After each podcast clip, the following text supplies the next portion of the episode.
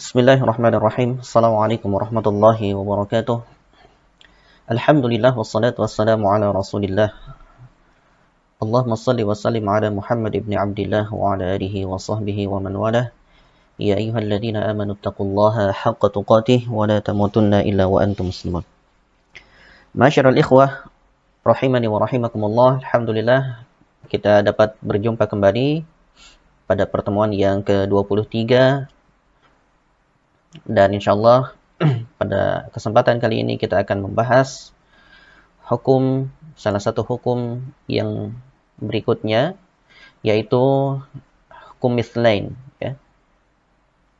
Yang dimaksud dengan mithlain yaitu kesamaan dua huruf pada sifat maupun makhraj. Huruf yang pertama berharokat sukun dan kedua huruf hidup. Seperti misalkan huruf seperti huruf ataupun dua huruf ba maupun dua huruf dal. Sebagai contoh, misalkan idrib bi'asak idrib bi'asak ya. Kemudian berikutnya اذهب بكتابي اذهب بكتابي kemudian وقد دخلوا وقد دخلوا baik Masyarakat ikhwah, yang perlu diperhatikan adalah apabila terdapat dua huruf yang sama, seperti misalkan huruf ba dengan huruf ba, Kemudian yang pertama berharokat sukun dan yang kedua yaitu huruf hidup maka hendaknya diilghamkan ya atau dimasukkan ke huruf yang kedua. Seperti tadi bacanya idrib bi'asak tidak dikolkolahkan. Idrib bi'asak tidak dibaca idrib idrib bi'asak tidak seperti itu ya. Tapi dimasukkan langsung ke huruf yang kedua. Baik. Adapun mislen ini terbagi kepada beberapa bagian. Kita akan lihat di sini ya. Pembagian daripada mislen ya, al-mislen dua huruf yang sama yang bertemu itu dibagi menjadi tiga bagian ya dibagi menjadi tiga bagian. Yang pertama yaitu al-mithlain as-saghir, ya. Mithlain yang saghir ataupun yang kecil.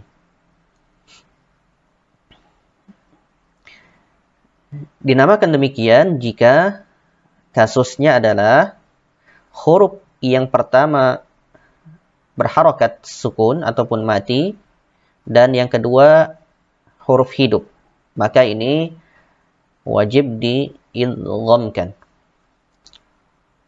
وقد دخلوا اضرب بعصاك baik berikutnya yang kedua yaitu al-mithlain al-kabir ya ataupun mithlain besar ya yaitu kasusnya jika kedua hurufnya adalah huruf hidup ya contohnya misalkan لذهب بسمعهم لذهب بسمعهم kemudian manasikakum manasikakum baik untuk yang kedua ini maka riwayat Hafaz an Asim itu membacanya dengan jelas kedua-duanya ya la bisam'ihim. Tidak dibaca la bisam'ihim. Tetapi dibaca jelas. La bisam'ihim. Kemudian berikutnya manasikakum tidak dibaca manasikum tetapi manasikakum dibaca jelas kedua-dua hurufnya. Kemudian yang ketiga Bagian ketiga daripada mislain ini adalah mislain al-mutlaq, al-mislain al al-mutlaq. Ya. Kasusnya yaitu jika huruf pertama adalah huruf yang berharokat ataupun huruf hidup, ya. Kemudian yang kedua adalah huruf mati, ya. Yang pertama hidup, yang kedua huruf mati. Berarti ini kebalikan daripada yang pertama ini, ya. Berarti kebalikan dari yang pertama ini. Jika ini yang pertamanya adalah mati ataupun berharokat sukun, kemudian yang keduanya berharokat, ya, huruf hidup, maka wajib diidghamkan. Adapun di sini al-misyan al-mutlaq, maka wajib diizharkan ataupun dibaca jelas tak yang keduanya. Ya.